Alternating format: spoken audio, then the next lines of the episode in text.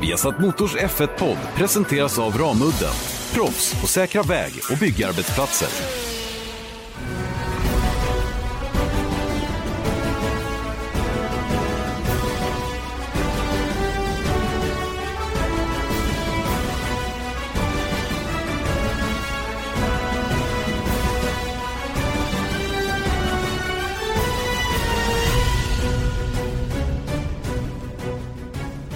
Välkomna ska ni vara till eh, Viasat Motors Formel 1-podd veckan innan Storbritanniens Grand Prix eh, där vi eh, naturligtvis kommer att prata väldigt, väldigt mycket om just Storbritanniens Grand Prix och utifrån ett, ett eh, perspektiv dessutom eftersom vi har en väldigt bra gäst Erik. Ja, det har vi. Och därav kommer det bli en hel del engelska.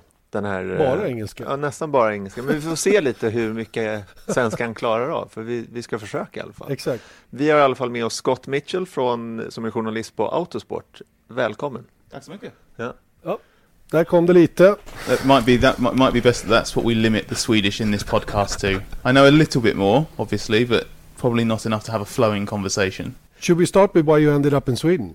Oh, but we can do if you want. Yes. Yeah, I, I, I've lived in I've lived in Sweden now for what, just over three months, um, and now I live in uh, moved into sort of southern Stockholm, which I'm enjoying very very much. My area. in yeah in Yeah. your area. It, I, I've I've got a very small network of people in Sweden, and yet somehow everyone lives uh, like in the south of the city, which is perfect. And like every Except you. No, well, I'm in the countryside Yeah. north of Stockholm. Yeah, you're not quite even in Stockholm. North. No, Yeah. no, no, no. No, like- I'm not a Stockholmer. And like every, uh, like pretty much every major life decision, mine was influenced by a woman.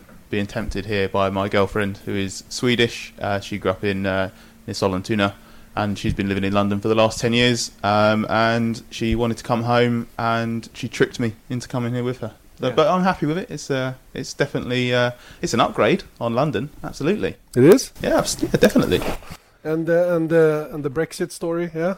Oh, Has yeah. that anything to do with it? Yeah, so um, we were we were quite keen to, to come here at some point. Um, Sarah was, wanted to come home uh, eventually, but we sort of didn't have any grand plans to do it this year. And uh, the slow implosion of the coun- of Britain politically uh, hurried things up. We were just a bit worried of getting caught out by uh, any sudden change in the political landscape and me not being able to move over here as freely as, as I do ideally want to. Didn't want to get caught up in visas and work permits and all, and all that sort of messy stuff. So we've had a had a very very quick clean break. I moved the week after the Australian Grand Prix. I touched down from Melbourne on Tuesday morning. Uh, I sorted some stuff out in the office. I said goodbye physically to my colleagues on the Friday, and then on Sunday jumped on a plane and moved country, which was yeah quite a disrupted start to the season. That's a big thing to do. Yeah, Yeah, but speaking about Brexit, we we've talked about it in the podcast previously, but it is also a, a Formula One problem potentially, right? About uh, teams being, well, they have to put all their equipment and cars and everything within Europe it, through customs, so it can be a pretty, like Brexit could be a big problem for British teams. Yeah, it's it's been um, it's been talked about as a it's a, it's a it's a goods and products problem, but it's also a people problem because these companies like Mercedes and, and, and Red Bull and, and every team based in, in, in Britain, they're, they're a, a combination of all sorts of nationalities from across Europe, and effectively, if if it if there was a if there was a massive change in, in, in the way that Britain operates like that, if if it became a problem for, for freedom of movement for people and, and for getting stuff across borders, then that becomes massively disruptive. That's why it became a really, really serious topic. Mercedes was, in particular, Toto Wolff was really, really strong on the subject. There were meetings at the, the highest level in British motorsport. It got to a point where they considered lobbying the UK government to, to find a solution. It was a really, really serious problem because all these manufacturers and teams that are based there, suddenly it became, well, do we should we actually be based in, in Britain? Because obviously Mercedes is a it's it's, it's English and, and, and German, so why not go and why not move to have, have a sort of satellite base in, in Germany for the European races and things like that? So it became a really really serious topic, and it's sort of faded into the background now because, like Brexit back home, it hasn't really it's stalled, so to speak. Um, so there's, uh, but I think it'll flare up again as soon as we Yeah. come closer to a decision. Yeah, and I know that all the teams have, or all the British-based teams do have plans in place to, to, I mean, to to control it if it would happen, a hard Brexit. But yeah, but anyways, tell us more about your job within Autosports because Autosport is like the major news outlet for all motorsports, pretty much globally, or at least in in in Europe, right? So, um, so yeah, so I started as Autosports Formula One reporter at the start of 2018. I'd worked in Formula E before that. I've worked for Autosports since I graduated university, um, which was in mid 2013, and so I go to pretty much every Grand Prix. I do 18 of the, the 21 races. Um, obviously, I do um, the the race reports from from trackside, uh, all the uh, well, not all of the news. Obviously, I've got I've got my hard-working colleagues with me, but I focus on news, race reports, and then away from that, I'm doing news chasing, news writing, but also writing features and, and columns for the website and, and the magazine. It's quite it's quite full on. I thought Formula E was quite a quite an intense gig,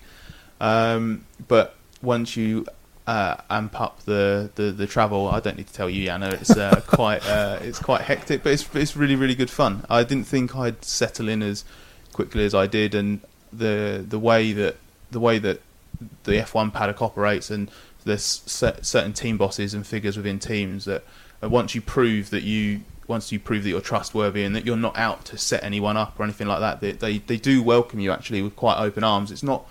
I think it when I when I started in, in the F1 paddock, it felt quite closed off. It felt a little bit like an old boys club, and it was a bit old fashioned in the way it works. But once you break down the first few barriers, and it is e- it was easier for me, not only being a, a man but also representing autosport, which carries this big prestige. So people immediately you get that leg up in terms of people trusting you. And once I sort of got through that, which took sort of most of most of last year, and I still have a lot of work to do with certain people to sort of prove that I can be trusted.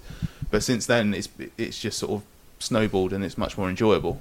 Yeah, and a side note: you worked in, in Formula E, which makes you know Felix Rosenqvist quite well, and you know Marcus Ericsson from last year as well. They're both in IndyCar. We're uh, broadcasting IndyCar from Toronto this weekend. What's your view on those two guys? Well, Felix, I remember when Felix came into Formula E, his debut in Hong Kong. I remember, I, I remember thinking that I'd not seen anyone come into Formula E and adapt the way he did, because Formula E was so so difficult for a series uh, for a driver to come in as a as a rookie, and especially his, his preparation wasn't exactly perfect. It was a bit delayed, and then he tested at Donington Park, which isn't massively representative of a Formula E circuit and he came out and I just uh, it's just classic Felix. It, it was immediately on the limit, and he's mega around street circuits as well.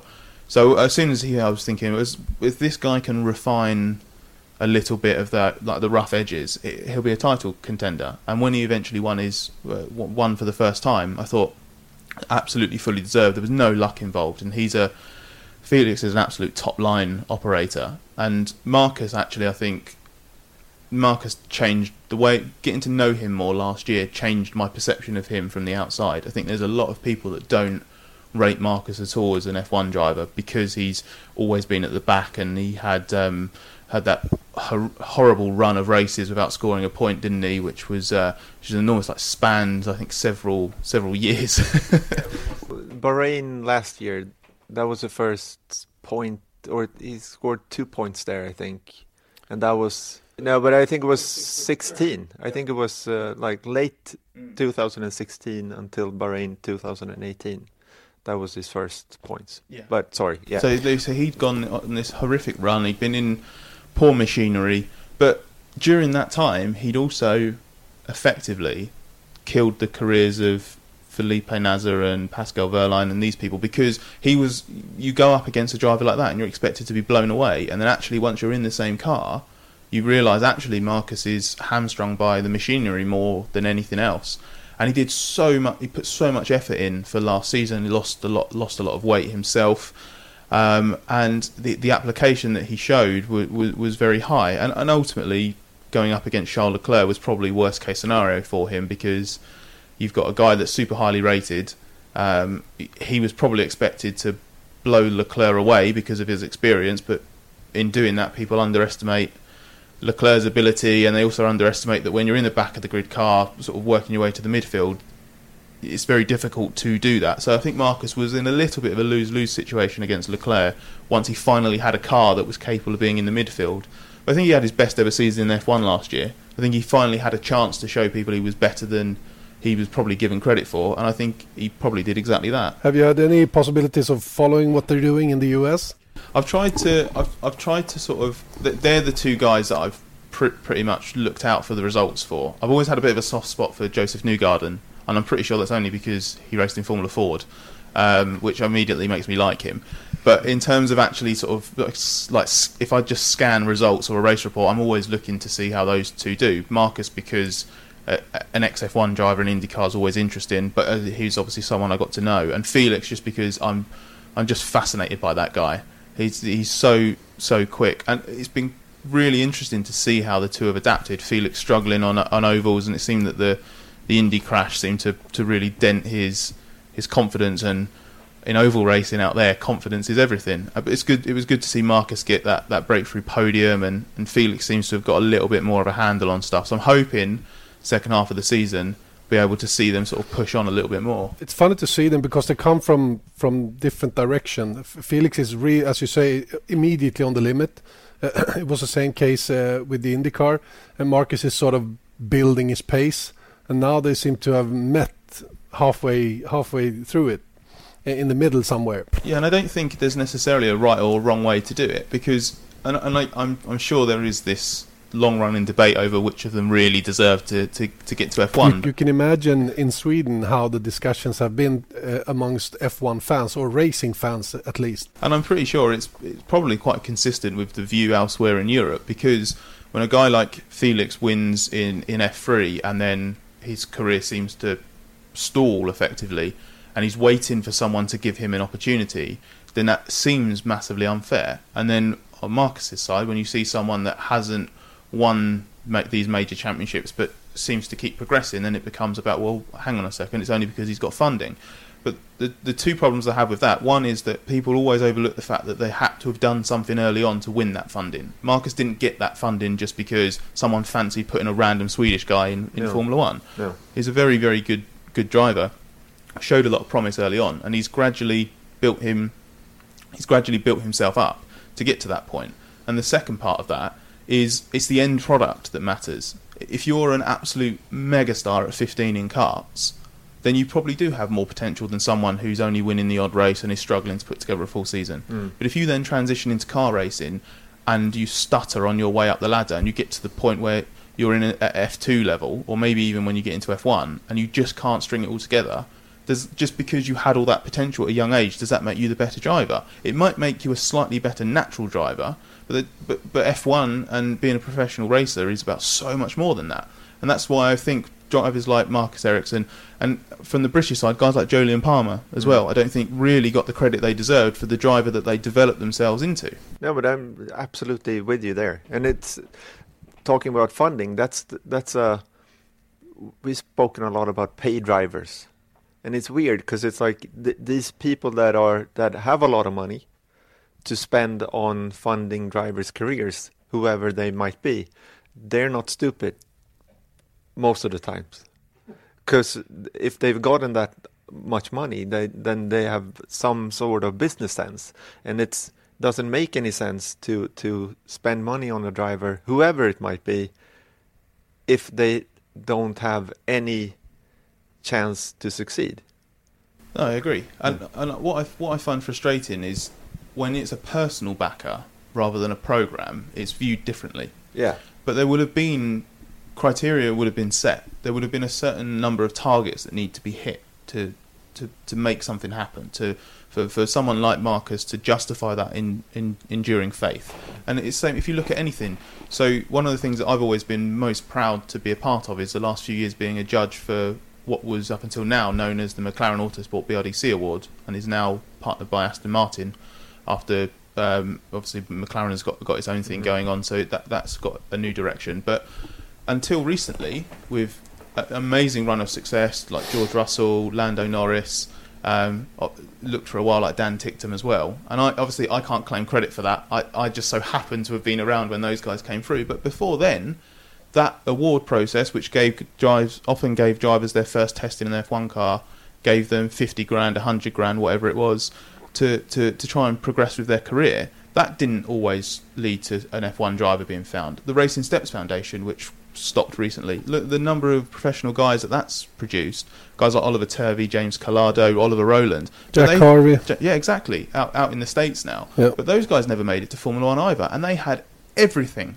from the moment they stepped out of karts. Some of them were even back in karting once the RSF went into that arena. So, what's the difference? People laud these programs for the opportunity that they give to underfunded drivers, but would Marcus Ericsson have made it to F1 if he didn't get picked up by a backer early on? No way. So I don't see why it gets looked at negatively. Yeah, and that's Felix's problem. Also, I mean, because he was backed by Mercedes, but not all the way, or how how you can say it. But but uh, if he if he was, then he would maybe have a better chance to to make it in Formula One. And I understand why um, it must be frustrating for people that I mean, sport is tribal. Everyone backs. They, they, they, they, take to a certain driver. They like a certain story. That's absolutely fine. You know, I, I um, for want of a better way of putting it, fell in love with Felix when he came into Formula E. I liked the I liked the way the guy operated. Um, he he made me count to ten for him in Swedish when he found out I was learning Swedish back in uh, Berlin. The weekend he won his fir- for, for the first time in Formula E, and I felt like a complete muppet in the Berlin pit lane while he did that. I, I just liked the guy, so I completely understand why someone eh, like looks at his situation and goes, "That's just grossly unfair," because I think he's a better driver than Marcus. But just because you're frustrated with one driver's situation or you're frustrated with one thing, it, it's always unfair if that then becomes sort of a weapon effectively that shouldn't become a stick to beat another driver with. No. Anyways, this was a, a, a side story. Let's move on to our running orders. Yeah, I have, we I- have a whiteboard today. Yes. Uh, Eric has prepared a whiteboard with uh, certain topics that we uh, we should run through before we are done with the with this podcast and and naturally with you being our guest Scott uh, it's a lot about the British Grand Prix. So uh, uh, the number one topic is uh, the British Grand Prix being a Brit. Uh, how is it? Wh- what is the what is the feeling uh, among Brits and and for you with the British Grand Prix? It's kind of we've we've just in this we're just coming off the back of like music festival season in the UK, like Glastonbury and all this sort of stuff. And the the, the more I've seen of what they've done at Silverstone the last few years, they've properly gone for that vibe, that sort of big summer party vibe. And that was always, I think, that was always used effectively negatively in the British Grand Prix's favour. It's all, I think it all has always had a little bit of a reputation as being a bit of a garden party for a few elite people that like racing cars, and that doesn't really gel very well with the national, with the with the public, shall we say? But I think the the, the way the British Grand Prix changed, um, I think they've tapped in massively to Lewis Hamilton's success and his old his overall popularity, which obviously we'll, we'll, we'll get into, but it's got that sort of Mansellmania vibe from back when. What was it Nigel used to say that the fans would give him like an extra half a second or a second a lap or something? Something crazy. like that, yeah. I'm not entirely sure. Maybe if they all collectively blew the right direction down the Hangar Straight or something like that, they give him like a little or, bit or extra. ran, ran out on the track, maybe. Yeah, exactly. Um, th- but that that's what that that's what it's got again. It's got that vibe. The first time I went to uh, British Grand Prix at Silverstone was in 2005, I think it was, and I went there. My dad made us drive there at like six in the morning or something, and we, uh, I think we got there. We got there really early. It might have even been even earlier than six. And basically, once we got there, just so we had a place in the car park, and then went and put some picnic chairs down. But we stood on the. It was this is obviously the the original layout, and it was just before Bridge. It was like so. It was. I mean, it wasn't a mass particularly good action spot, but my dad had found a place by the fence, and that was really cool. And then we basically went back to the car and slept for a couple of hours because it had been such an early start, and I loved it. I remember, I, I remember it as a not particularly good race, and I was a massive Jenson Button fan growing up. So obviously I was really disappointed because the 05 uh, BAR just wasn't really up to up to scratch, and it wasn't hugely exciting, but I loved it. Like being there was really really cool, and going back there last year as a as an F1 journalist and seeing the number of people that were there, and the the start finish straight for the for the podium when everyone invades, it's crazy. We think that we look at what like Max Verstappen had at the Austrian Grand Prix, and then I'm sure what he'll have at, at Zandvoort with the Dutch Grand Prix, and you think, oh my god, that's really special. But it it happens. Daniel Ricciardo gets the same in Australia, and, and, and it's the same in Britain. The the sort of love and passion and enthusiasm is is there in abundance, and it turns it into this big summer party festival thing. Um, uh, and and in the rest of the world, it seems like everyone is regarding the the, the British um, audience or the or the spectators to be the the um, the ones who knows motorsport most.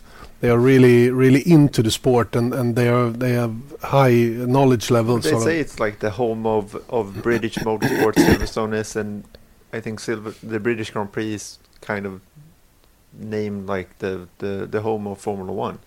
Yeah, it's a, it is the Silverstone has always advertised itself as the the home of British motorsport, but you're right, it's it is that spiritual Grand Prix. I'm Nick Friedman. I'm Lee Alec Murray. And I'm Leah President, and this is Crunchyroll Presents The Anime Effect. We are a new show breaking down the anime news, views, and shows you care about each and every week. I can't think of a better studio to yeah. bring something like this to life. And yeah, I agree. We're covering all the classics. If I don't know a lot about Godzilla, which I do, but I'm trying to pretend that I don't right Hold now. it in, hold it. And our current faves. And... Luffy must have his due. Tune in every week for the latest anime updates and possibly a few debates. Oof. I remember, what was that? Mm. say what you're going to say, and I'll circle back. You can listen to Crunchyroll Presents The Anime Effect every Friday wherever you get your podcasts, and watch full video episodes on Crunchyroll or the Crunchyroll YouTube channel.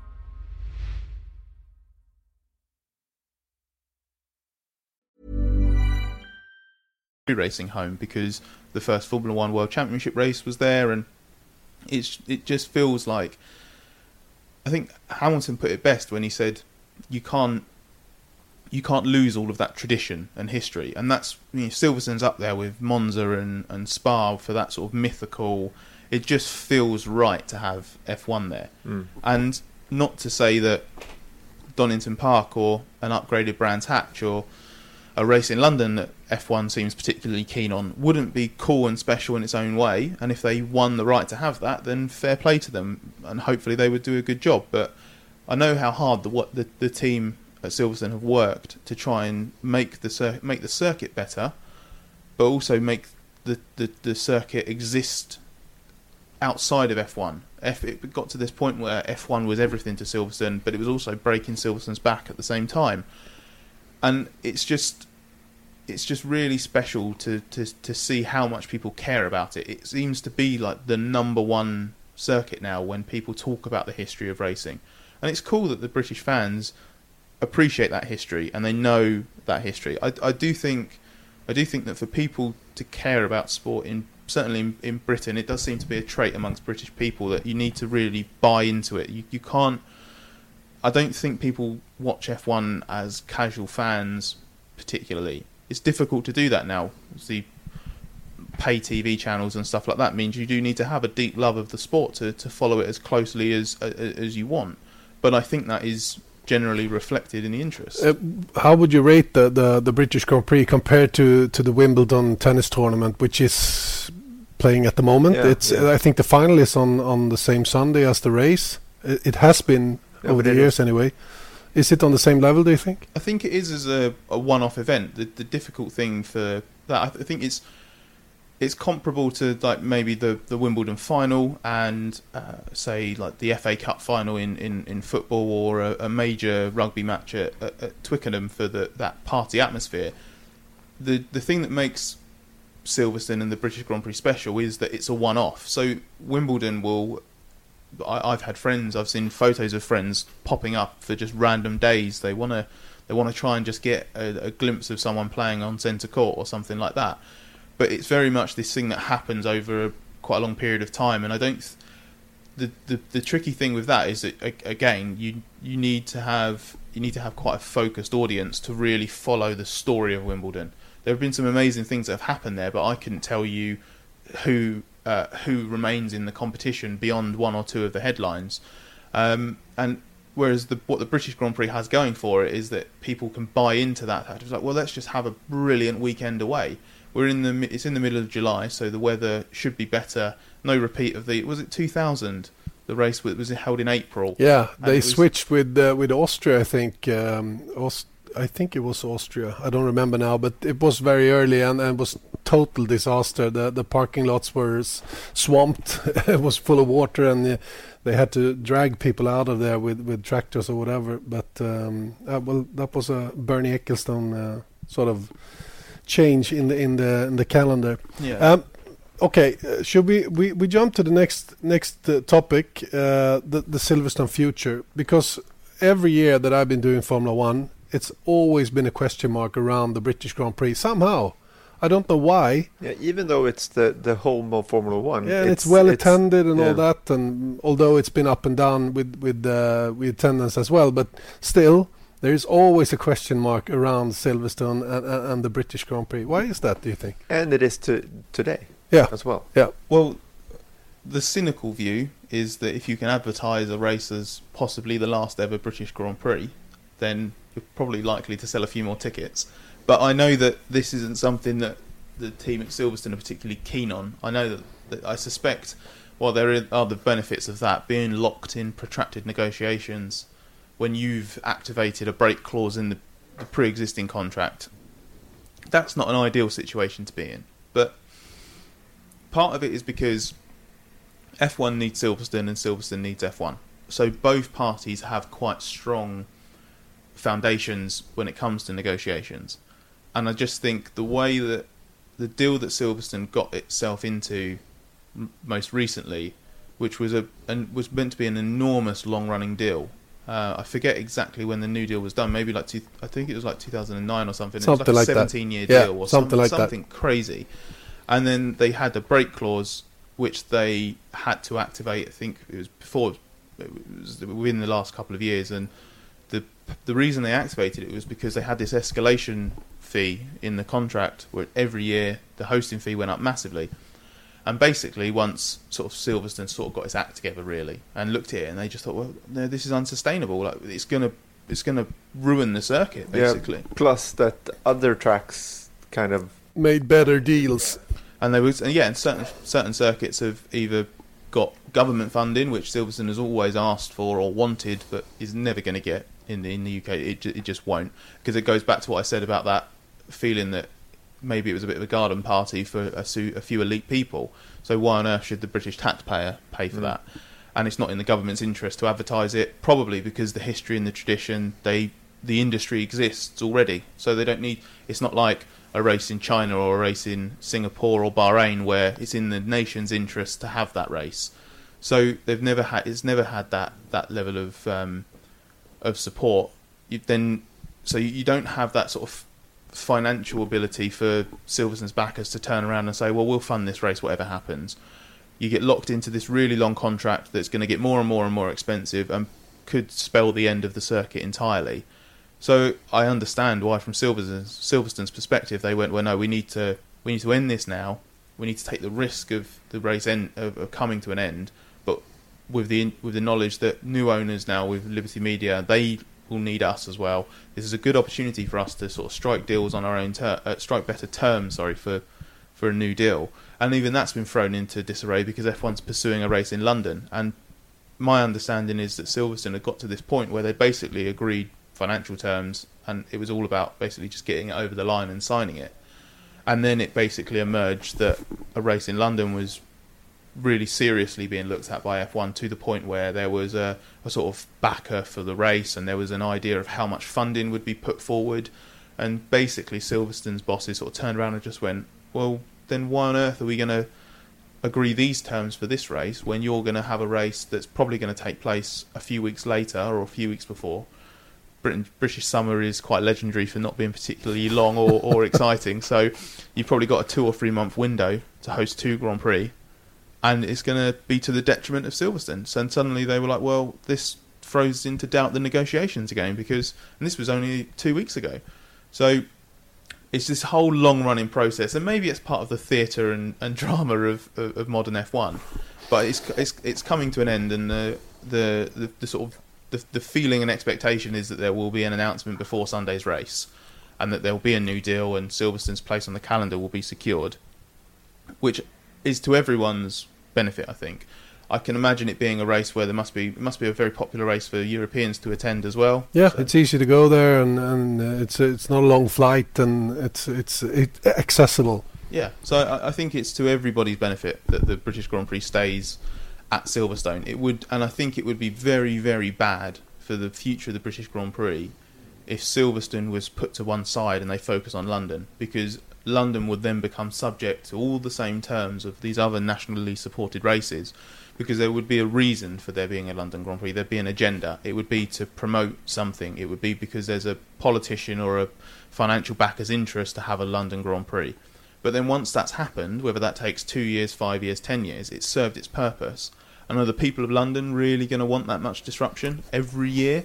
Are the are, are the other are uh, the politicians and the if the London mayor changes or if a local councillor changes or something like that, a council leader, all of a sudden that gets thrown into doubt. The medium long term future of the race is in doubt, and Silverstone is completely out of the picture now, and it's done its own thing because it kind of feels like it's been stitched up a little bit by F1, so they're not at the negotiating table. And all of a sudden, you've thrown the future of the entire race into jeopardy for a, a, a short term win. Yeah, and we'll see how long if there's an, uh, a a new uh, contract uh, presented before this weekend. But still, if they would announce uh, a street race in in London, it would take at least a few years before they could set that up.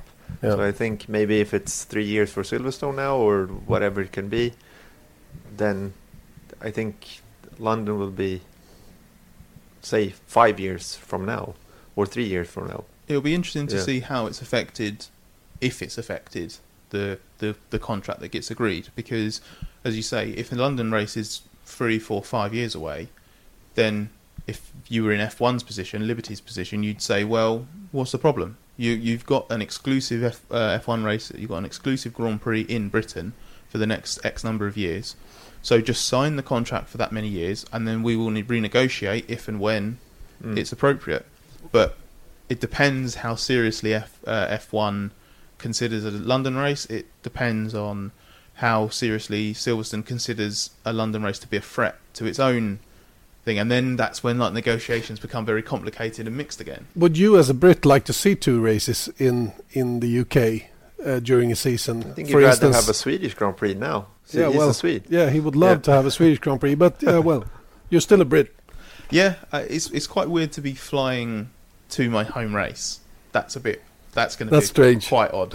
um, and that's a, that's a bit peculiar. But I don't know. Two two races. I quite like. I quite like one race for a country. Uh, I like the fact that you then you know that you've won the British Formula One race. You've, I know, like when, for example, Spain had the Spanish Grand Prix and the European Grand Prix, or when Germany had The, The the, German Europe, Grand Prix and uh, the the Luxembourg, Luxembourg or whatever European, blah blah. Um, that that sort of stuff is always a bit weird. It's one of the things I disliked about Formula E double headers because I always thought it was very very good when you knew that someone had won the Berlin Formula E race. But then if you've got a double header, it's like oh well, actually they won the Saturday race and then someone else won the Sunday race. I think it detracts from that prize of of being the winner of the one race. But that being said, a Formula One race in London. If they were going to do it anywhere else, I think if they were going to do it in another circuit, I don't think that would be a good idea. And maybe a London race would detract spectators from each event rather than having one super successful party like you have at Silverstone. You have two slightly diluted crowds. But an F1 race in London, that is that's quite cool. That's like having an F1 race in downtown Stockholm, Yeah. which would be which would be pretty cool. Anyways, we'll move on, and then we'll. I what what I'm interested in is that there's a lot of British drivers all the time in Formula One. I don't know if there's ever been a season where there hasn't been a British driver. I would doubt it, at least. It, Now we're looking into our memories and, and yeah, but anyways, it was a long time ago if, if it was. What's the popularity of the three current drivers, or three and a half, I would say? With yeah, uh, Albon, Albon is uh, is a British driver to me anyway. I Yeah. consider Albon a British Yeah, driver. yeah. Yeah. He's Although he has a Thai Thai license, but his ed- mom. educated and Yeah. formative years in Yeah. karts were done in Britain. He was a British champion Yeah. in, Yeah. in karting. Um, so ob- obviously, with Lewis is the most divisive driver in Formula One. It seems to be very popular. People love to hate him, and there are a few reasons for that. I think one is nobody really likes dominance. So the fact that he keeps winning and his perception that he's only successful because he's got the best car is the same reason a lot of people don't like Sebastian Vettel, even though Sebastian's actually quite a a funny, engaging, entertaining person. People don't like him because he's associated to that Red Bull era, only good because of the car. Hmm. So Lewis has a little bit of that. There's also the fact that his personality jars with people.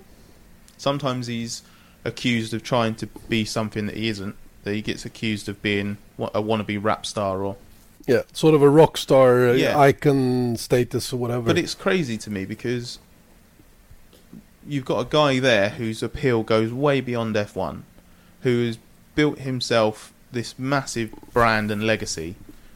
Uh, he's done really, really well to get himself this this stuff with Tommy Hilfiger, for example. You know, la- launching your own major fashion label is actually a pretty cool achievement, but it just gets it just gets mocked or it gets scoffed at. Uh, it leads to questions to Toto Wolff, like in Singapore last year when I can't remember Lewis. Lewis had a really crazy travel schedule. He went like he was in.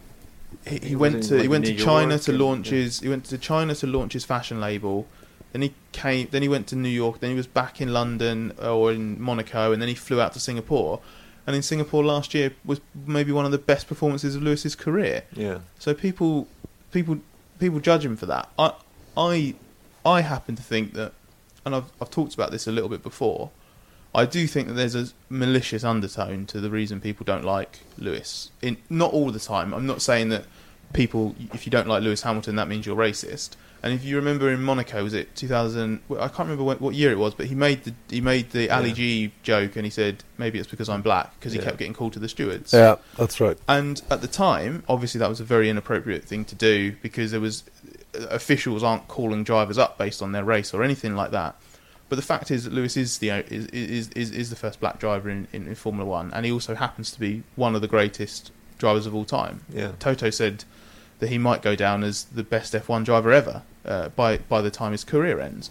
But there is definitely an air of Lewis has risen above his station with his success, uh, the way he has elevated himself in society and, and, and culture, and some people have it's sort of hardwired into them effectively that you don't like seeing certain people pe- certain people should stay where they are. That and that that's part of what it's rooted in. I'm 100% convinced of that because the scrutiny and criticism that lewis gets is disproportionate to his actions sometimes. And a lot of that will definitely be because he's a five-time world champion and he's the most marketable guy in f1 the bigger the pedestal you put him on the more glorious the fall when you knock him off.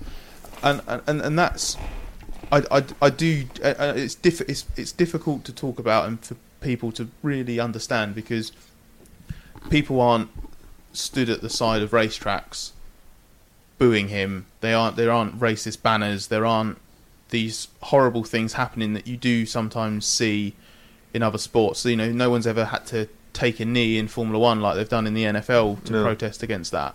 So it's difficult but it's this almost subconscious thing, and that's why it's so difficult to tackle because it's this sort of more slightly deep-rooted element. I think we have a similar situation with Zlatan in, in Sweden. Uh, his his huge success in football, you know, and, and he has been sort of non-Swedish in his way of uh, of handling his success and, and the money he's making out of it and all that. And I think it's a it's a similar situation. It's like with- uh, Jantelagen. yeah, you know, Jantelagen. in- Have yeah, you heard of that's- that? You don't know about that No. yet, No. but you will. I'll Yeah. learn it. You will. Yeah. You but, will learn but, about but it. I think also that with Lewis's case, I think he like deviates from other from a Formula One driver.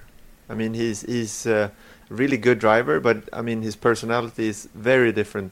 Uh, I would say that he or just I was just looking at his Instagram. He has 11.8 million followers on Instagram, It's all right. and Kimi Räikkönen, Kimi Räikkönen, which I would say is the most popular driver, but it's he's not obviously because he has or I, I'm, I'm not putting everything on Instagram here, but he has 1.5 million.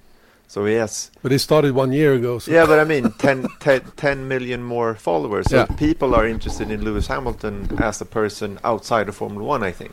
But I, I think very rarely that people follow Formula One drivers if you're not interested in in F1. racing. Yeah. No, I think you're absolutely right, and this is the thing that I think is difficult. People don't.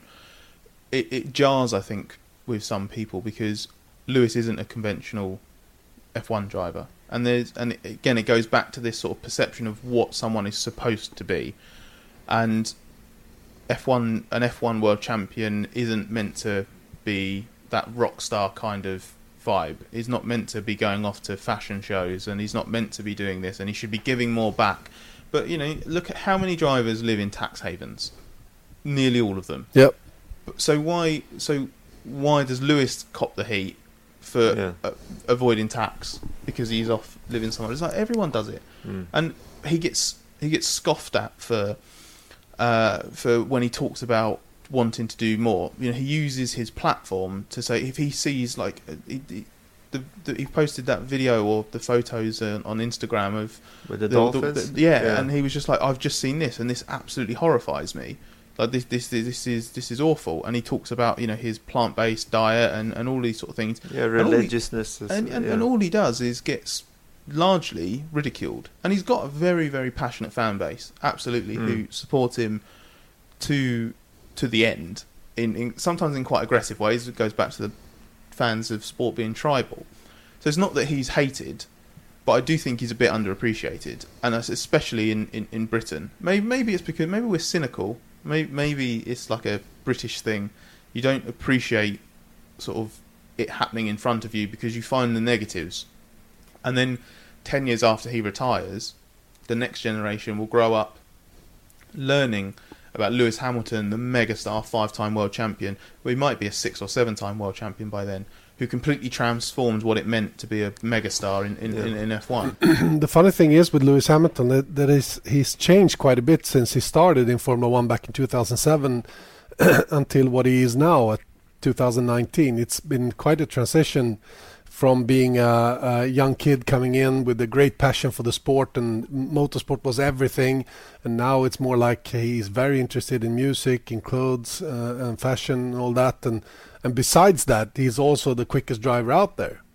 So it's it's interesting to see how he has sort of I think it's been a a clear strategy from him and, and the people around him to to to basically make money out of his uh, out of his success because he, the change really started when he when he went to Mercedes and, and and he had a very very good car and he mm. can sort of win everything the, the, the weird thing is also that other Formula One drivers or Formula One in general is often criticized for being like corporate robots, exactly. and Lewis is not.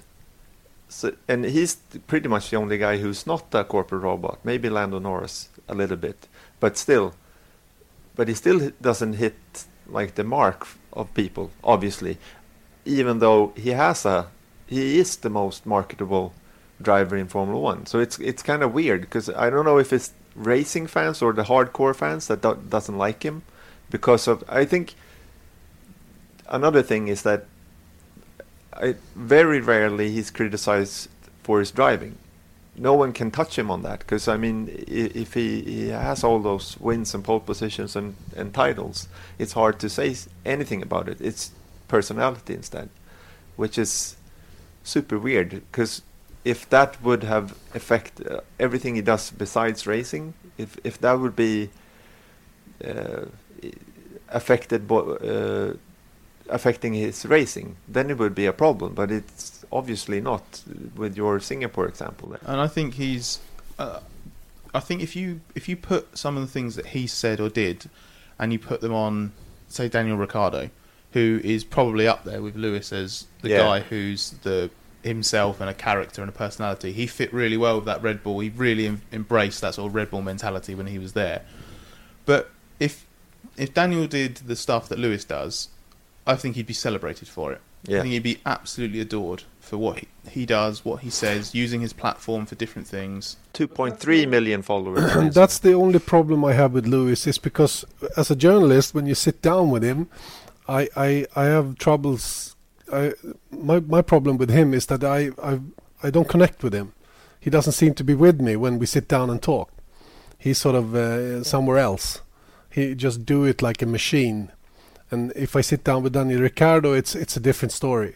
He's more with me into it, you know. That's interesting because I think Ricciardo is just probably helps that he's Australian, so he's generally quite laid back and relaxed. So he and what I like about Daniel is that you anyone can have a conversation with him and he'll be really invested. And Lewis Lewis often depends on his mood, and I see that on a on a quite a regular basis. If you get him immediately after a qualifying session or race that's not gone particularly well, he can be really sullen and moody, like all of the drivers can be. And then you catch him later at a separate media briefing, like the a, a print media session that lasts 15, 20 minutes, and it'd be like two hours after, and he'll suddenly have, he'll he'll have sort of chilled out a bit, thought things through, and he'll just be very, very open and, and eloquent. And Lewis does have this astonishing character trait to be completely genuine, sincere, and invested in the conversation in person. And then you go away and you think, oh yeah, Lewis, that was brilliant. Oh, there's loads of stuff in that. And then you read it back and you think, God, he sounds horrible. You, you see the words written in black and white, or you hmm. hear it back in isolation. You don't see the body language, and you don't see him sort of lean forward and think, okay, yeah, and like spend a few seconds thinking about it. And all you get is this sort of this comment that just seems like it's been taken out of context and just makes him sound so much worse than he is. Mm. Yeah. And I don't know how he does it. It's it's an astonishing character trait, and it probably plays a big part in him not being properly appreciated because he comes off a lot worse than he actually is. And it doesn't surprise me that you've experienced that because it's taken, I think, a lot of people who speak to him, who obviously have these print media sessions two times a two, three times a, a race weekend for however many years now. But the something that you mentioned earlier about the person he's developed into since he's been a Mercedes, I think he's basically the one thing that I have sympathy for him is I think he's lived out his teenage years and his early twenties as an adult because when he was at McLaren, when he had this corporate image mm. effectively, because he was supported by McLaren, he was supported by Mercedes, he had goals that he had to achieve. His career and success depended on him reaching certain goals. And then he got into McLaren in F1, run by Ron Dennis, which obviously Ron had a very particular way of, of doing things, and McLaren had quite a bland corporate image. That if you've ever been to the McLaren Technology Centre in Woking, there's it, it's so clean and so like you walk down to go like the McLaren Boulevard is quite quite cool and famous and has all the cars, but to get there from certain entrance points, you walk down this completely white tunnel, and it's just it's to the point of being disconcerting how bland that part is. So I think Lewis was shackled for a long time. This young guy, super successful, got all of this money, had the relationship with Nicole Scherzinger, stuff like that, but couldn't do anything with it. And he had this unhappy personal life, effectively. That bubble just wasn't really right. And then once he left McLaren, Mercedes gave him this freedom. It, uh, it said, look, you be who you want to be. And by this point, Lewis is what, in his late 20s? Yeah, something like that. Yeah. So basically enjoying himself and finding himself as an adult. And uh, I can imagine, especially then you become even more successful, you have more money, you become more popular. That's why he's been able to foster this life outside of Formula One and become his own thing. And that transformation, again, for some reason, hasn't won people over. But you look at the new, the current gen, the next generation of British drivers, Lando and George, and, and Alex to a degree, but Lando and George are the next big things because obviously they've been super successful in their junior careers, but they're also out and out British. Alex has embraced the the, the Thai side of his his family. Uh, I'm sure that comes with certain commercial benefits, but George and Lando are very very attractive propositions for the Brits because not only are they mega and really really exciting talents, but they're both also quite honest. They've got quite an amusing soundbite in them, so they can be cheeky. They buy into the social media stuff because they've been raised on it. But they're also, if you look at if you look at the two of them, they're two sort of traditional British F1 drivers, good-looking guys who love what they do. But you know, maybe they're compared to what Lewis is like now, they're boring to a degree. I, I, I really like both of them. I've known them both for years, but they're not the same superstar appeal because of where they are. And maybe they'll grow into that and they'll become the leading lights of F1 in the future. But right now, they've almost got that sort of innocent element to them that helps their popularity because you look at them and you go, I like this guy. Yeah, especially Lando. Yeah. Lando, you you cannot dislike him. He's such a wonderful character, you know, and, and especially social media. He's, so in, he's connecting with the other drivers on social media, and he's being cheeky and, and stuff like that. So, uh, um, well, it's it's going to be interesting to follow his career and also George Russell wherever it ends up. obviously George and Lando need to get to the point where they can have major success because they won't be able to build that legacy to the same degree that Lewis has without getting into a proper car. Um, but at the moment, Lando's doing his thing about um, Lando's doing his thing with McLaren. He's obviously got this bit of a budding bromance going with Carlos Sainz Jr. and that's really nice to see on, on Twitter. And George is kind of having to ply his trade at the back of the grid. It's not. He's got a teammate in Robert Kubica that everyone's got doubts over anyway because of his injury and comeback after what a, a decade of, of effectively it's like seven or eight years. Um, so George has got it harder in, in some degree, but I, I think the two of them have enough about them to be in F1 for another for, for ten years minimum. So it'll be fascinating to see sort of what they develop into, and I do think that they're starting to build a bit of a following behind them. The you know the newspapers have certainly taken to Lando because obviously the McLaren link, and other people have taken to George because he's such a model professional and he's got that Mercedes support by them. So that's really really exciting, and it's genuinely it's difficult to gauge their overall popularity, but I think in terms of the health of British F1 interest, I think he's in really, really safe hands with Lando and George. And the, the future, considering you're trying to plan for a post Lewis Hamilton future, I think that with George and Lando, that is basically as that is the best possible scenario post Hamilton that, that British F1 fans could have. Ni lyssnar alltså på Viasat Motors F1-podd som idag gästas av Scott Mitchell, journalist på tidningen Autosport, eller hemsidan Autosport får man nästan säga. Det är nästan ingen tidning längre. Uh, Scott, we're talking about you being a journalist at Autosport and I said the newspaper Autosport, but it's more like a, a digital outlet now more than a paper, isn't it? Yeah, so we still have the weekly magazine, um, which uh, I think is still holding its own in a world where it's becoming more digital than print. Um, and then on the website side, obviously, got the digital version of the magazine, but the website's evolved. You have the daily news coverage. You have all sorts of features from, and it's not just F1. We often get accused of being too F too F1 focused, but obviously that's where the majority of the interest lies. Um, and we've it's, it's evolved into a it's the digital media equivalent of a, a, a paid for TV channel. So certain things on autosport.com are free, and certain things you need a, a subscription for, which obviously I'm sure is the same for you guys. You get criticism for think everything should be free, Yep. and no one's allowed to earn a salary anymore. So you guys should do all of your work for for, For free. for, nothing. um, but it's interesting to be part of how that's evolved. I started off specifically on the magazine, and then I moved on to the, website fairly quickly, and I've had different roles and responsibilities within the website, trying to sort of manage the content and see how, how people respond to different stuff. So it's it's, it's quite cool. Yeah, uh, we hear a lot about you know eyeballs dropping, like the the viewership of Formula One going down and every, everything. It's it's uh, not true, not uh, in a Swedish sense at least, and we know from other countries that the ratings are actually going up, even though this season has been a disappointment in terms of of the championship battle. How is Formula One doing in the UK? Well, I, I I agree. I think that if we had a if we had more of an exciting title battle, nobody would complain. It would definitely help.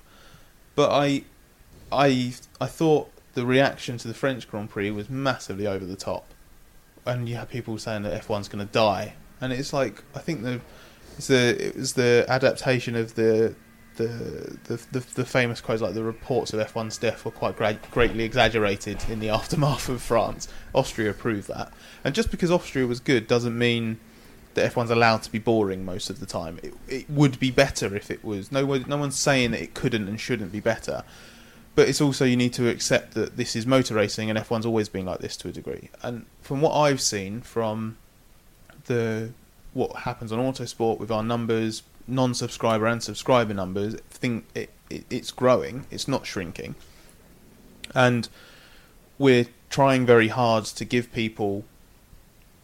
We're trying very hard to give people different, different stories and different things to get them interested, and that obviously means you work harder at times when the racing isn't as exciting, and when the racing is exciting, it's basically it's just much more natural. There's all it's always much easier. When there was the controversy in uh, in Canada with the the post race with the, with the time penalty for Vettel or the post race investigation in, in Austria after the mega Verstappen Leclerc fight, that immediately garners interest. There's all there's lots more eyeballs on the website when there's controversy. But I do think it's I still think it's quite healthy. Obviously, F1's been um, is is now only available on, on, on Sky Sports F1 if you want to watch every race live.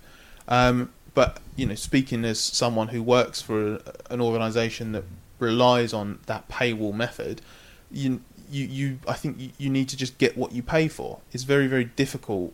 The way F1 operates It's very difficult sometimes to get certain access and justify the investment that everyone's putting in. You know, you go into every single race, me going to every single race costs companies money the team that that Sky take, for example, you know the, the amount of money that they spent to get that right, to get those rights in, in the UK, they have to justify it Yep. by trying to give them something that you can't get in the English Premium. language. They need to be premium. Exactly, it's basically the same treatment that they've given the Premier League. Look how much TV money has completely transformed the Premier League over the last 27 years in football. So, I think you've got this point now where naturally the numbers have dropped for on television overall because last year it was still free to air for, for half the season and you've had that expectation of free to air television. And not every eh, not every single individual of the millions of people that were watching Formula 1 picked up the phone or t- turned on their laptop and bought a subscription straight away. But I, I can say honestly that any time I've ever bought a subscription for something I've always felt I've got my my money's worth for it for it because you always get more than just what you're what you're looking for. And I don't think F1 is on this massive nosedive. I really don't think that. I I do believe that F1 2021 is being oversold. I don't think that's going to be the sudden transformation for six teams fighting for the win or anything or, or, or something like that. But I do think that in general, the way F1's trying to do stuff is on a proper upward trajectory. I think they're at least trying to work on the weaknesses and the problems that have been deep rooted in F1 for so long, and at least they're actually now trying to do something about it. That's the main thing. And the encouraging thing is in the interim, when we know that stuff won't get solved immediately, we can still have races like Austria. People still care. Yeah. I think that you know, Autosport.com numbers are up. You guys were saying like numbers are up for, for, for, for people watching watching here, and you've lost a, a, an F1 driver. Yeah. So F1 can't be dead. No. No, it's actually not possible. Yeah, that's correct. And and uh, we're not saying that everything is right with Formula One because it isn't. But they're on the case, and and we just have to accept once in a while that we have a boring race, uh, even though we don't like them in succession or or too many of them during a season. But uh, which other sport doesn't have dull events? Everyone does, and um, and that's why I think that the, all the knee-jerk reactions that comes out of a once in a while boring race is, is completely wrong. You have to be sensible about everything and and look at the big picture, which is hard. If you're a hardcore fan, of course you want it to be the classic every time you sit in the sofa and watch it. You want it to be. That's natural. Last year's British Grand Prix was pretty good. I hope that this year's going to be at least as good as uh, Austrian Grand Prix.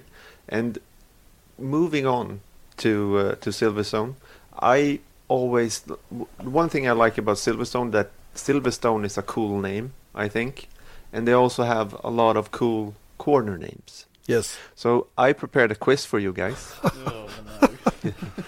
with with uh, um, I'm gonna uh, read out the corner name and you can discuss internally pretty quickly though, because my quizzes are usually not very interesting. so because they take a too too long time. But I've I've uh, researched a little bit where the name comes comes from, Okay. and uh, so I'll I'll just do that, and then then you can discuss. Maybe you already know. You should know, Scott. Uh, I don't know. I'm so Swedish now. Yeah. I just sort of. Exactly, but I'll I'll actually read the answer in Swedish. So you, so it's you like have to- This. So Yeah. we put the question out. Anyways, first corner I believe is called Abbey. Do you know where where that name comes from? Nope. Uh, I have no idea actually. I have to have Aya with me to know that kind he of thing. He doesn't know anything. Ah well, well, he- maybe. yeah, I think so. And Silverstone, he was not his favorite track though. I know. it was too quick when he was driving. um, the only thing I, I I can't remember. I don't remember the specific thing. But is it named after the abbey? Let me read out the answer. Uh, it, it was named after uh, uh, uh, an abbey. Okay. Uh, uh, s- döpt efter ett kloster vid namn Luffield Abbey. Uh, which was found uh, close where the corner is today. So uh, So it's a H. Yeah, but. Luffield Abbey eh, hittades nära där Abbeykurvan är idag och Okej. klostret eh, grundlades någon gång innan år 1133. Did you follow that? I, I got bits of it. Yeah. Okay. So You just so, have to trust me here. so the, the abbey is very old. Yeah, and it was found very close to the corner. yeah, it was so called. Luffield Abbey. Yeah. Aintree. Aintree. Ah, um, Aintree. It's in the new section, isn't it? it, so so that is named after the the circuit. Named after the because Aintree is part of the new circuit. It's the new I think Grand so, Prix yeah. layout, isn't it? It's not wasn't one of the original corners. Yeah. So Aintree is that that's a nod to the other British, old British Grand Prix venue. Yeah. Aintree är ju en häst, hästkapplöpningsbana som arrangerar the Grand National Horse Race varje år. Okay. Men under fem år arrangerades Aintree, eh, arrangerades även eh, Storbritanniens Grand Prix på Aintree i slutet av 50 och början av 60-talet. Så kurvan är en hyllning till de åren. Did you follow that? I got half of it right. Yeah. I Yeah. forgot about the Grand National stuff. Yeah, yeah, it was Yeah. a it was a Horse race racing. horse track, yeah, Yeah. horse race track, yeah, and they also uh, raced the, the British Grand Prix there for Yeah. for a few years. Okay, Wellington Straight. Wellington isn't that some kind of general or something? I, I like how, I like a beef Wellington. Maybe it's named after British Sunday roast dinners. Um, Wellington Straight is the because you have the, obviously the Hangar Straight, which is the famous one. So Wellington is the national straight, the one that goes down to Brooklands. Brooklands and, and then to Luffield and and uh, We're Yeah. coming to Brooklands, but so uh, Wellington, so that's quite. See, the name of that straight is quite controversial because for some people at Silverstone, including some of the BRDC members, it's the national straight. yeah. There's a, div- there's Ah. a divide over what the, the name of the, the straight actually is. okay. So yeah, I assume I assume it's a I assume it's a as you said like a, a, a Uh, nod to British yeah, history and, yeah. and, a, and a famous and a famous name. Yeah, but it, it was actually named after the Wellington bombers.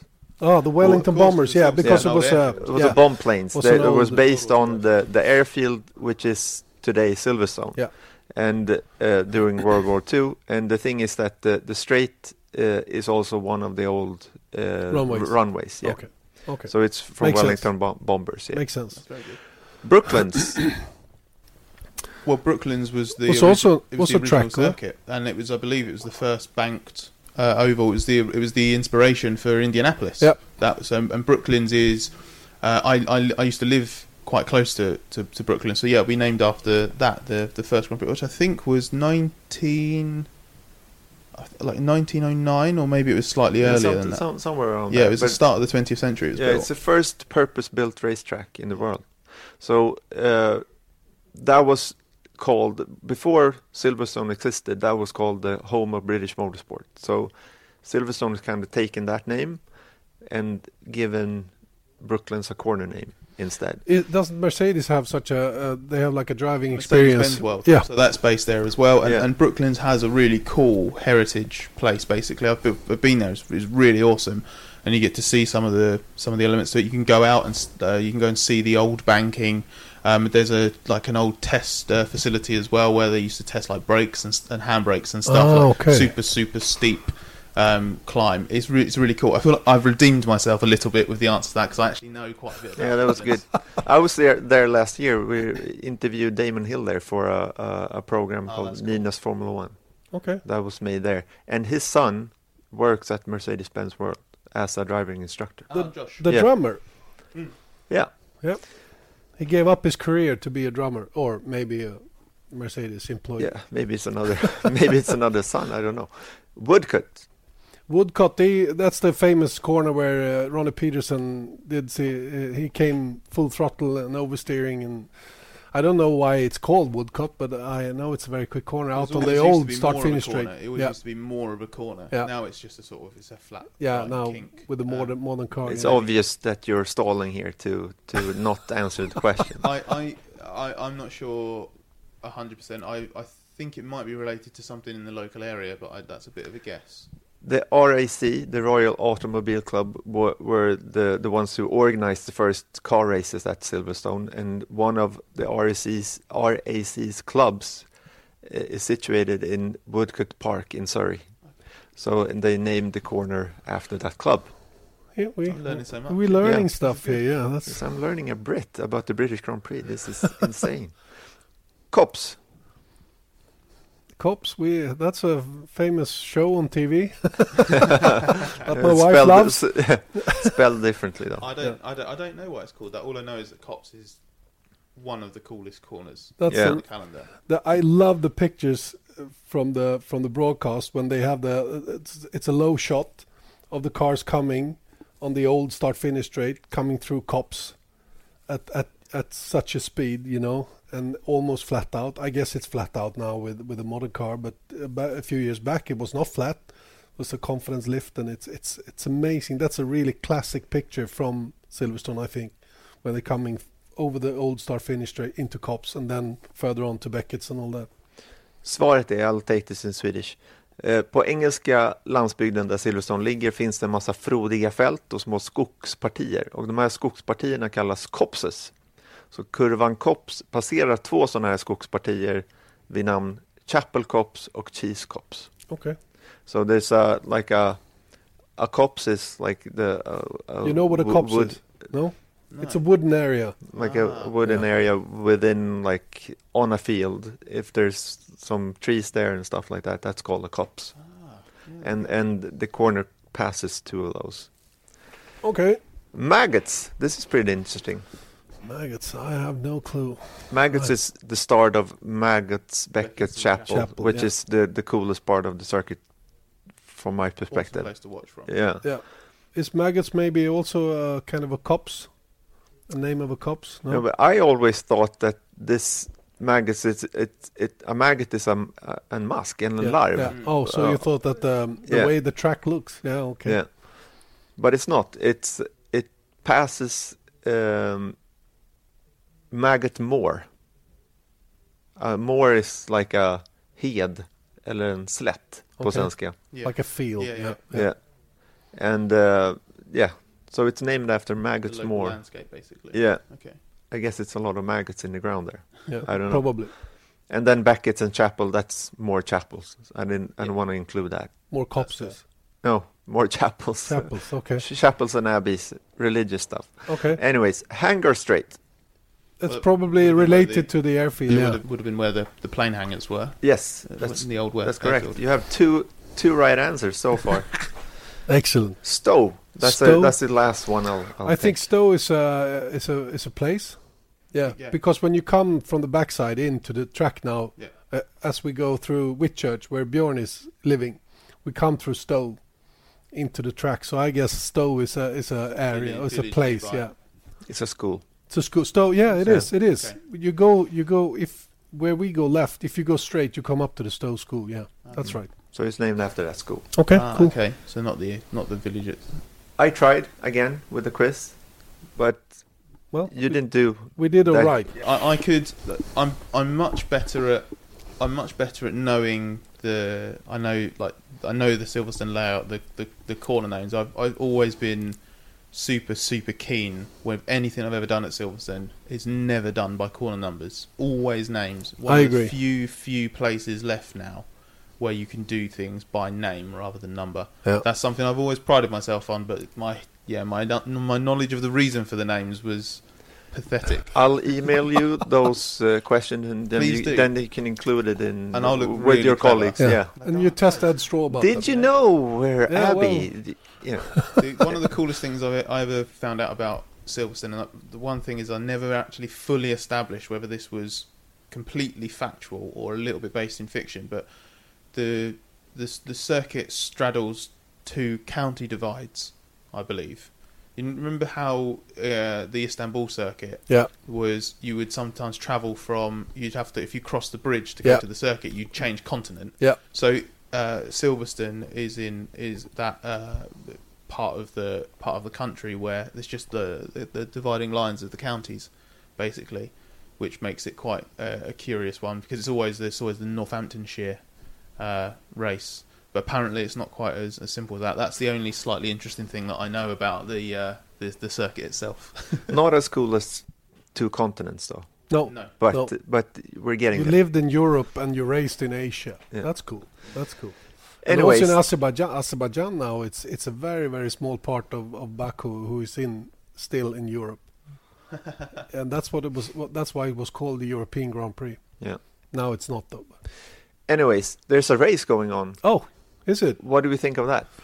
Oh, that's interesting. I know that uh, your, one of your colleagues were, were on a on a press meeting with Christian Horner yesterday, and and uh, Red Bull is is uh, very much on the on the.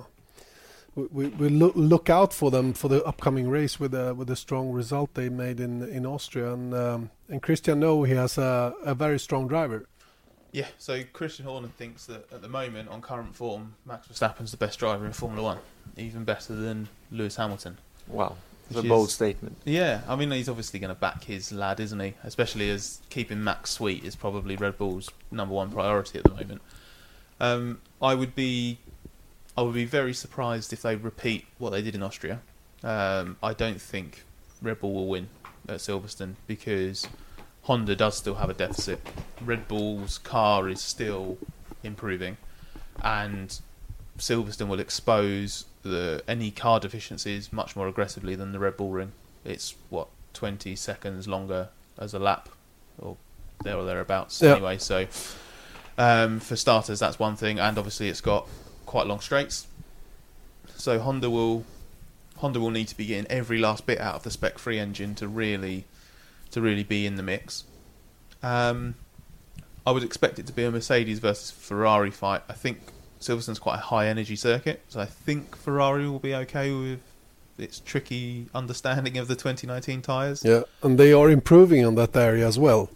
They seem to find small bits and pieces where they they have lacked recently. I think they're now at the point where they have understood everything that they can do to get out of the tyres. So now I think where possible they will get the most out of it. But the basically the the grievance that Ferrari has and Red Bull to an extent, especially Haas and a couple of others have with the 2019 tyres is the change of construction. Who would have ever thought that 0.4 millimeters of tread thickness would ever be so controversial in, in Formula One? Has basically changed the way the tyres warm up. That some of these teams are basically they're never getting the tyres into the window, the working window, the, the the optimum performance working range of the tyre. It's not about getting them up to temperature in time to do a proper qualifying lap. It's not about losing time at the start of the stint. It's more like keeping them. It is well. Apparently, you could run for 10, 20, 30 laps and never reach the window. Before, the challenge with the Pirelli tyres has always been keeping them down, keep keeping stopping surface temperature, the surface overheating, causing problems, keeping them in that working range. But now they can't get them to reach it. So all of these teams have optimised their cars based around tyres that heat up really quickly and needs to be held in this range. Uh, basically, they now feel they're being punished because of a tyre change that was meant to be done for safety grounds and to let drivers push harder. So their grievances with that. So I think that from now until the end of the season, I believe that Ferrari and a couple of other teams will will have a fundamental performance problem with the tyres. They will always have that limit in place, and it will depend circuit to circuit on how hard that hurts them. So Red Bull Ring actually they were quite good, high energy circuit, uh, the softest range, And the hot temperatures in general. Exactly. So that worked really well. Put them on pole, and Leclerc almost won the race. Silverstone, I think, will be okay, but obviously the tyre compounds are harder, so they might struggle with that. I don't. I'm not. I don't want to sound biased, and I don't want to be boring because I want another race like Austria. I think all signs point to Lewis and Mercedes, but I also know that Ferrari that have been denied a win now what three times Bahrain, Canada, And Austria. arguably Baku as well. Leclerc Yeah. crashed in qualifying, so they're desperate for a first win, and it would be so sweet for them. They would love it if they did it in Hamilton's backyard. Yeah. Yeah. So, uh, But okay. the weather's going to be not raining as Around of now, but it, yeah. yeah, 21, 22, a little bit of sun, a little bit of clouds. So it's not uh, like it's average, not like the, UK the the heat doesn't speak in Ferrari's favor. Maybe No, it doesn't. Um, I, I agree completely with you that Mercedes are the favorites coming into this weekend. Maybe Ferrari as uh, the the main challenger, and, and that Red Bull is is going to struggle again, especially on qualifying modes and all that. I know that Honda is because you have a good relationship with Honda, and, and Honda is already looking out for another update to improve on the qualifying modes, which will effectively give them penalties, engine penalties somewhere on the line. Uh, but but do you know anything more about that? So as soon as they introduced their first upgrade of the season, which was in Azerbaijan, it immediately moved them to a slightly weird engine strategy. The conventional way of doing it without getting a penalty to use your three engines per season would be introduce one around Monaco Canada time, then introduce the second one after the summer break, and then you make it towards the end of the season by using older engines in Friday practice to limit the mileage on the new engine, and then you get to the end of the year because no one wants grid penalties. But this is Red Bull's first year with Honda, so they always sort of thought, well, chances are we're not going to do the season with free engines. Let's go into the season with the knowledge that we won't use free engines, that we will use four specifications, maybe. And maybe they'll have another one, I don't know. But the idea was that if you go in with that knowledge, then you're not frightened to keep developing and just introduce new engines when they arrive. And it's very aggressive, and you could argue maybe it's not in necessarily in the spirit of the current engine regulations. The whole point was to keep costs down. And here you have a ma- manufacturer that's willing to just completely keep redeveloping the engine, bring new parts, new parts, new parts. but they kind of have to because if they're going to be on the ball for next year or 2021, they have to develop. Absolutely, Yeah. it's it's the only option for Red Bull to have success with Honda. This is what they needed to do, and what they've done so far this year is basically broadly in line with their plan. So they had one engine upgrade in Azerbaijan, then they brought the second upgrade spec free to France. So by the time, so one race after Mercedes introduced its own Spec 2, Honda's rolling out Spec 3, which is very impressive to have that rate of development through the year. But what that guarantees is that they'll need another engine before the end of the season, another fresh one. But it would be stupid to do that and take a grid penalty without having a performance boost from it. So that's what they're going to aim for. They're going to aim for this Spec 4. They've got themselves into this situation now where their reliability seems to be very good. And they're quite confident that they've now got an engine that reliability wise, if they started the season with it, they could do that seven race weekends with one engine, not have a grid penalty over the course of the year. So the fact that they've got that, that reliability foundation means that they're now able to really crack on with performance. Red Bull really wants Honda to take some risks. The management structure at Honda since the McLaren partnership dissolved has been about reliability first. They've not brought anything that's not ready. So the fact that they're bringing these performance upgrades with a conservative leadership is really encouraging for Red Bull, and it shows that Honda have maybe finally cracked these engine regulations, helped by really cool things like crossover with the jet engine department within Honda, where they've been able to redesign sort of the internals of the MGUH and the turbocharger, and now they've actually finally got these high efficiency engine components that can rev to the maximum allowed without breaking and exploding basically. Yep. It just seems that they've finally got to this point and second half of the season wouldn't be surprised to see a repeat of what Verstappen and Red Bull were doing last year when they went on that amazing podium run and won a couple of races. And we also saw in the, in the latter part of Austrian Grand Prix that they allowed uh, Max Verstappen to run a very aggressive engine mode uh, for the last 10, 15 laps or whatever to, to catch Charles Leclerc and also go for the win. I guess that that's that's a confidence thing. They know that they are going to have a, another fresh engine coming up, so they, they were more sort of uh, able to use this engine full on. And it bodes well that a race in which the, the, the first race that Honda wins in this era of engines was also won because Mercedes' package wasn't quite up to it in terms of reliability. Mercedes had the major cooling problems, Yep. and Ferrari had some to some degree, and it was the Red Bull Honda that withstood the, the massive challenge better than anyone else. And, and, and won the race, and I, I really think that's quite significant that this was a race won on performance and reliability, and Honda has been miles behind with both for what for three years, four years now.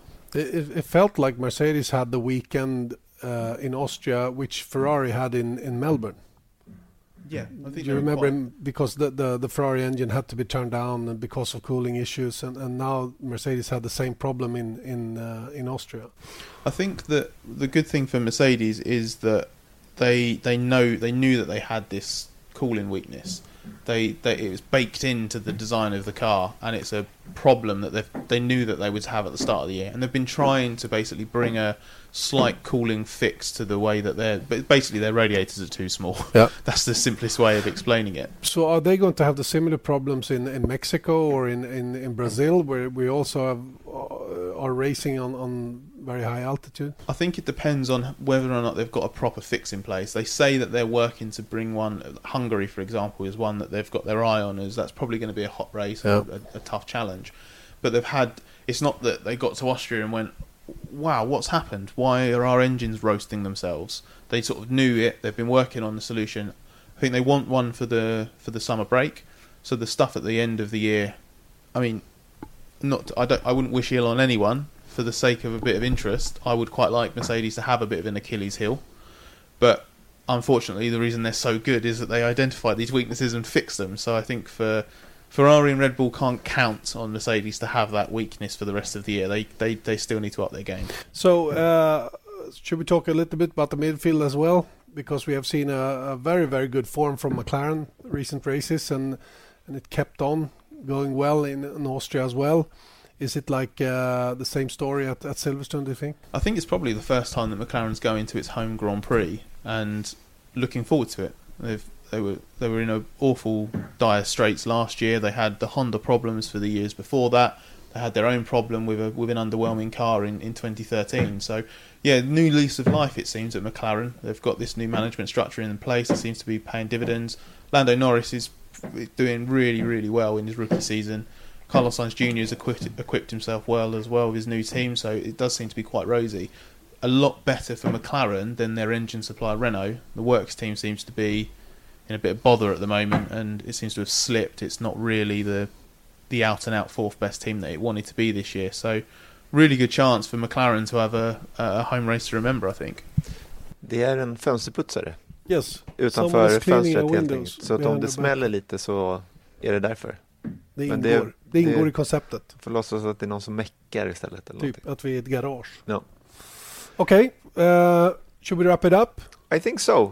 It's a long podcast. Yeah, long, nice podcast. Uh, uh, thank you, Scott, for being with us. No, thank you for having me.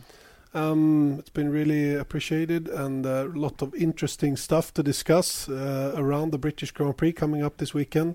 Uh, vi avslutar lite på svenska här. Mm. Um, vi har uh, alla tider. Ja, på sociala medier. Och jag kan berätta lite om vad ni kommer få se i helgen kanske. Just det, det är ju spännande. Ja. Vi kommer gästas av eh, eh, Christian Horner i uppsnacket inför kvalet eh, och vi har även en eh, exklusiv eh, enskild intervju med Daniel Ricciardo som eh, faktiskt Björn Wirdheim ska få Jaha, göra. Så jag är petad alltså? Du är petad. Aj. Du är petad. Du gjorde inte speciellt bra ifrån dig. Nej, men grejen är att vi har också ett, ett, längre reportage om Racing Point med framförallt Ottmar Safnauer eh, som du gjorde faktiskt Japp. i eh, I Österrike. Så då vill vi blanda upp det lite. Det Så vi, vi har det och sen så kommer vi såklart prata Red Bull med eh, Christian Horner, Racing Point, in djupdykning i vad som hänt för dem de senaste året och det som komma skall för dem. För de har väldigt mycket eh, nya grejer på gång kan man väl säga. Och sen så Daniel Ricciardo, han är väl alltid intressant. Yes, Daniel Ricciardo. So we have some good good stuff coming up this upcoming weekend. Um, yeah, Mm. thanks a lot, guys. Thank you very much. Tack, enjoy, tack. enjoy the weekend. We fly tomorrow. Yes. Different planes, though, Yes. just I've to make through sure that one of us is getting there. I'm British Airways, so I've sort of gone patriotic for the uh, for the journey home. So I did Scandinavian then. And I'm staying home. You, you do that Yeah. and work hard. All right, thank you. Eh, vi ses igen nästa vecka. Det gör vi. Ha det gott. Hej då! Viasat Motors F1-podd presenteras av Ramudden. Proffs på säkra väg och byggarbetsplatser.